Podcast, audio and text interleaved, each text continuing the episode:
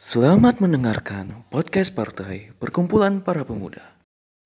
Efek kupu-kupu adalah istilah teori kekacauan di mana perubahan kecil dapat mengakibatkan perbedaan besar di kemudian hari.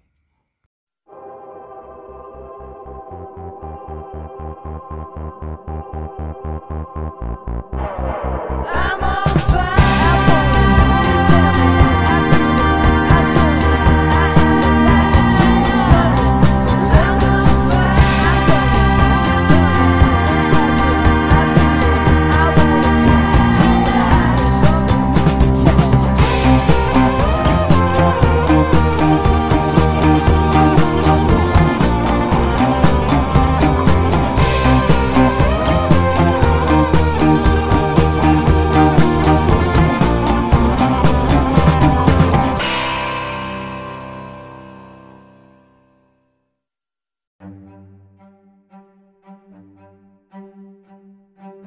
Apa rahasia Amerika Serikat menjadi negara yang berkuasa? Sebenarnya, orang berani bilang bahwa ini bukanlah rahasia, tapi adalah sebuah ketidaksengajaan. Dan sebenarnya, Amerika tidak pernah berpikir untuk menjadi negara adidaya di dunia kayak sekarang. Sebelum diteruskan, orang akan menjelaskan bedanya antara negara maju dengan negara adidaya. Ambil contoh, di dunia ini ada negara maju, tapi bukan adidaya, seperti Jepang, Korea Selatan, Singapura, dan Jerman. Sebaliknya, ada juga negara adidaya, tapi bukan negara maju, seperti Rusia, Arab Saudi, Iran, serta Mesir. Balik ke pembahasan. Jadi gini, dulu ketika Amerika sudah merdeka dari Inggris, Amerika tengah berbenah diri. Hal tersebut membuat Amerika menerapkan sistem politik isolasi Amerika merasa bahwa urusan dalam negeri lebih penting daripada urusan luar negeri. Dari awal, Amerika merdeka sampai di pertengahan abad ke-20, posisi Amerika tak jauh berbeda dengan Indonesia sekarang, di mana Amerika kurang aktif dalam geopolitik dunia, gak kayak sekarang. Waktu itu, yang bermain dalam percaturan politik dunia cuma negara-negara Eropa saja.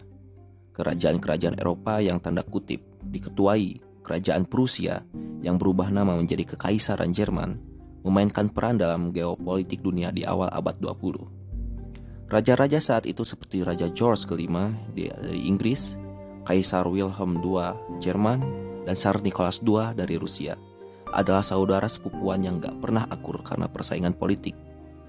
Perlu diketahui, nyaris sebagian besar kerajaan Eropa memiliki hubungan keluarga dengan Kekaisaran Jerman.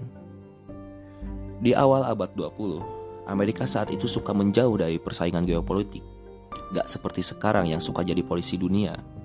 Meskipun suka menjauh dari persaingan geopolitik dunia dan menerapkan sistem politik isolasi, Amerika fokus membangun ekonomi dan hasilnya Amerika mampu menjadi negara industri terbesar di dunia.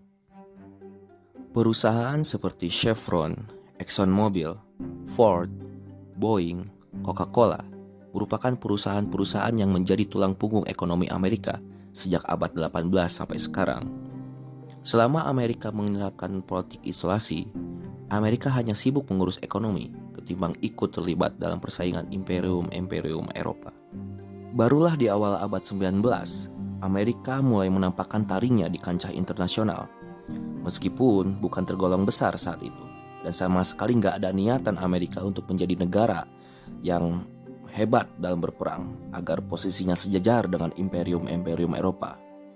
Amerika saat itu mendukung pemberontakan Kuba yang ingin merdeka dari Spanyol, yang pada akhirnya membuat Spanyol menyatakan perang ke Amerika. Amerika mengajak duel Spanyol di Filipina hingga memicu pertempuran di Teluk Manila. Jadi, saat itu Amerika menampakkan taringnya kecil-kecilan saja dengan cara mengajak ribut salah satu negara adidaya saat itu, Spanyol yang pada saat itu Spanyol sudah memang sudah mengalami kemunduran dan melemah. Kedua pertempuran tersebut dimenangkan Amerika, membuat Filipina dan Kuba masuk ke dalam persemakmuran Amerika. Setelah pertempuran tersebut, Amerika kembali lagi ke sistem isolasi, sampai kemudian pecahnya Perang Dunia Pertama yang berawal dari persaingan kerajaan-kerajaan Eropa di Balkan dan memuncak ketika pembunuhan putra mahkota kerajaan Austria-Hungaria Pangeran Franz Ferdinand dan istrinya Putri Sophie dibunuh di kota Sarajevo, Bosnia. Dan lebih kamu harus tahu bahwa ada catatan sejarah yang menjelaskan Pangeran Franz Ferdinand pernah ke Garut buat liburan.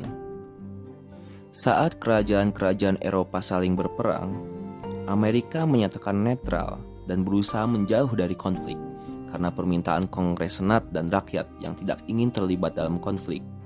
Namun, Amerika yang sebelumnya netral akhirnya terlibat dalam Perang Dunia Pertama karena insiden yang tidak diinginkan.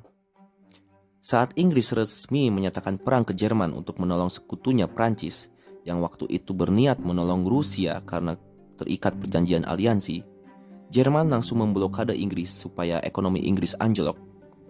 Meskipun Amerika menyatakan netral, tapi hubungan diplomasi dengan kekaisaran Jerman saat itu sedang tidak baik-baik saja. Amerika memprotes Jerman karena telah memblokade mitra dagang terbesarnya, yakni Inggris. Akibat upaya blokade itu, sejumlah kapal dagang Amerika rusak parah atau tenggelam akibat ranjau laut yang disebar Jerman di perairan Inggris. Hal tersebut membuat Amerika marah namun tetap pada posisi netral karena tekanan dari rakyat. Pada Februari 1915, Jerman mencanangkan akan menembak semua kapal dagang, termasuk dari negara netral yang mencoba masuk ke perairan Inggris. Sebulan kemudian, Jerman mengabarkan telah menenggelamkan sebuah kapal dagang swasta asal Amerika.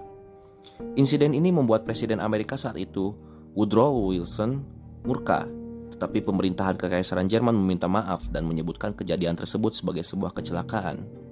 Dan puncaknya pada 7 Mei 1915, sebuah kapal penumpang milik Inggris, Lusitania, dihantam torpedo Jerman tanpa mendapatkan peringatan terlebih dahulu di lepas pantai Irlandia. Kapal itu mengangkut sekitar 2000 orang saat ditembak. Akibatnya 1201 orang tewas, termasuk 128 orang warga Amerika. Insiden tersebut membuat rakyat Amerika marah dan berubah pandangan dari yang sebelumnya netral, malah mendukung perang. Presiden Wilson dengan semangat meminta persetujuan Kongres untuk menyatakan perang ke Jerman. Hasilnya, Kongres menyetujui deklarasi perang dan Amerika secara resmi terlibat dalam Perang Dunia Pertama. Setelah Perang Dunia Pertama berakhir di mana Jerman dan sekutu-sekutunya kalah, Amerika merasa pede bahwa negaranya akan menjadi negara adidaya seperti imperium-imperiumnya Eropa. Namun realitanya, Amerika kembali lagi ke dalam politik isolasi karena desakan dari rakyat. Rakyat Amerika trauma dengan perang dunia yang begitu mengerikan dan khususnya militer mereka, semua trauma di medan pertempuran. Banyak tentara yang terinfeksi penyakit menular selama Perang Dunia Pertama karena berada di parit yang kumuh hingga puncaknya terjadi wabah mematikan yang diberi nama flu Spanyol.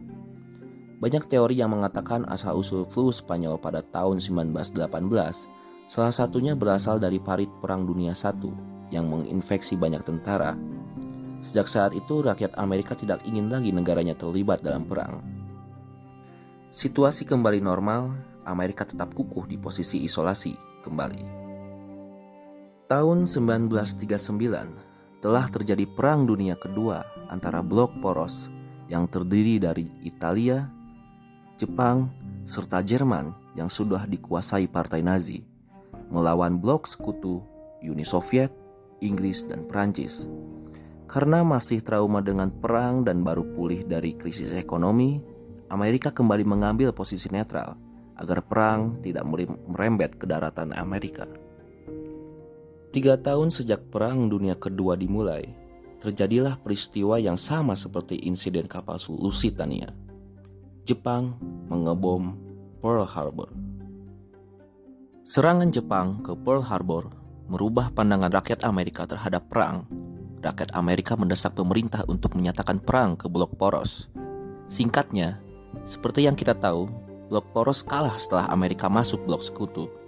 Setelah Perang Dunia Kedua berakhir, imperium-imperium Eropa seperti Inggris dan Prancis mengalami kehancuran dan semakin melemah akibat Perang Dunia Kedua ini.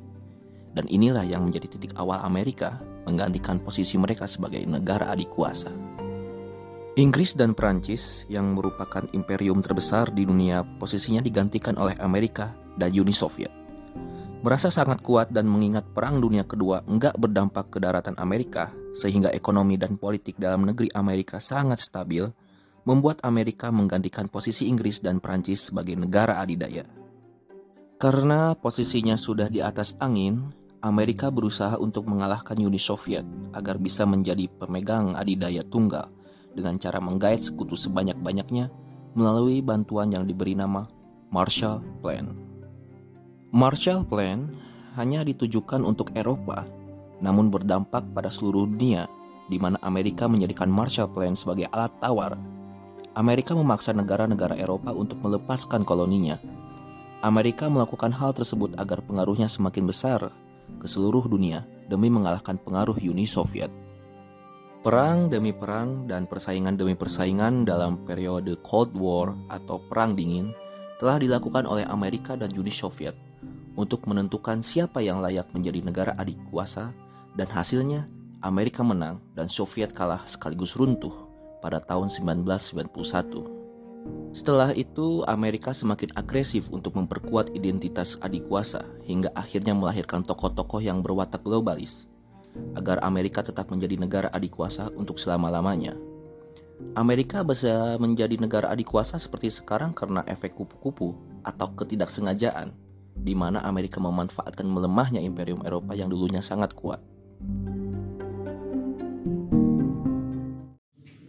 Terima kasih sudah mendengarkan podcast Partai Perkumpulan Para Pemuda.